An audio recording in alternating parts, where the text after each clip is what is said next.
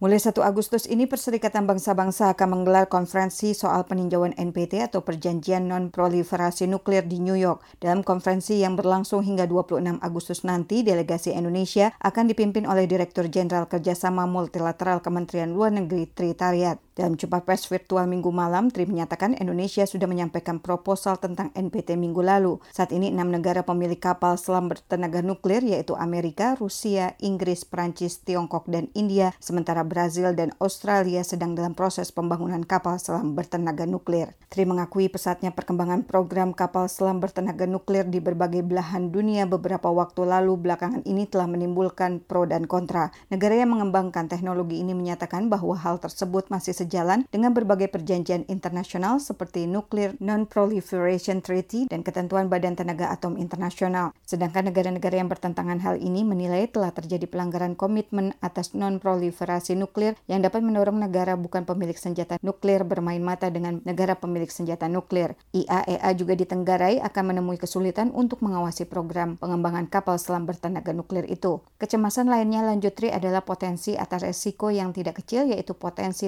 terjadinya radiasi dalam proses transportasi, perawatan, dan penggunaan maupun radiasi yang dapat dimunculkan dan dampaknya bagi manusia dan sumber daya laut. Belum lagi potensi pengalihan program kapal selam bertenaga nuklir untuk menjadi program pengembangan senjata nuklir. Oleh karena itu, Indonesia berencana mengirim proposal yang dapat menjembatani kepentingan kedua pihak. Tujuan dari proposal Indonesia tersebut pertama membangun kesadaran mengenai risiko dan bahaya penggunaan energi berbasis nuklir untuk pengungkit daya kapal selam. Kemudian upaya konkret menyelamatkan nyawa manusia atau saving lives dan kemanusiaan. Dalam jumpa pers tersebut, Duta Besar Indonesia untuk PBB Armanata Nasir menjelaskan konferensi tentang NPT tahun ini penting karena dilaksanakan saat dunia menghadapi situasi global yang sangat dinamis termasuk berkaitan dengan perang di Ukraina. Indonesia akan terus mendorong konferensi NPT tahun ini menghasilkan komitmen yang lebih maju dari negara-negara pemilik senjata nuklir mengenai pelucutan senjata nuklir. Pengamat hubungan internasional dari Universitas Pajajaran Teku Reza Sah menjelaskan, ide kawasan Asia Tenggara bebas nuklir harus dibuat relevan dengan perkembangan terkini,